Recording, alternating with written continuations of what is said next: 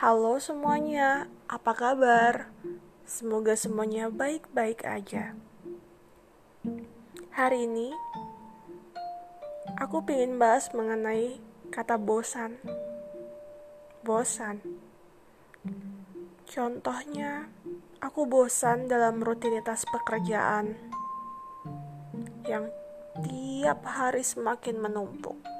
Atau sahabat saya sering mengatakan, "Aku bosan untuk berhubungan dengan lawan jenis." Pasti ada alasannya dong. Kenapa?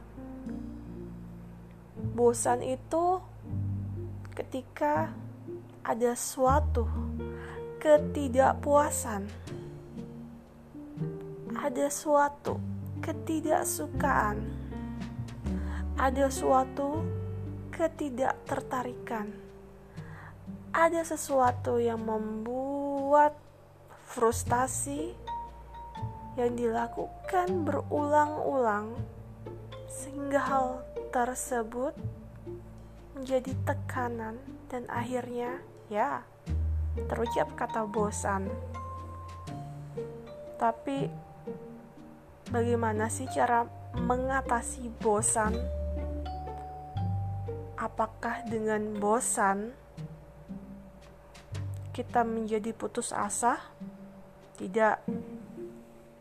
Kita harus lihat apakah rasa bosan itu memang benar-benar merupakan suatu yang harus ditinggalkan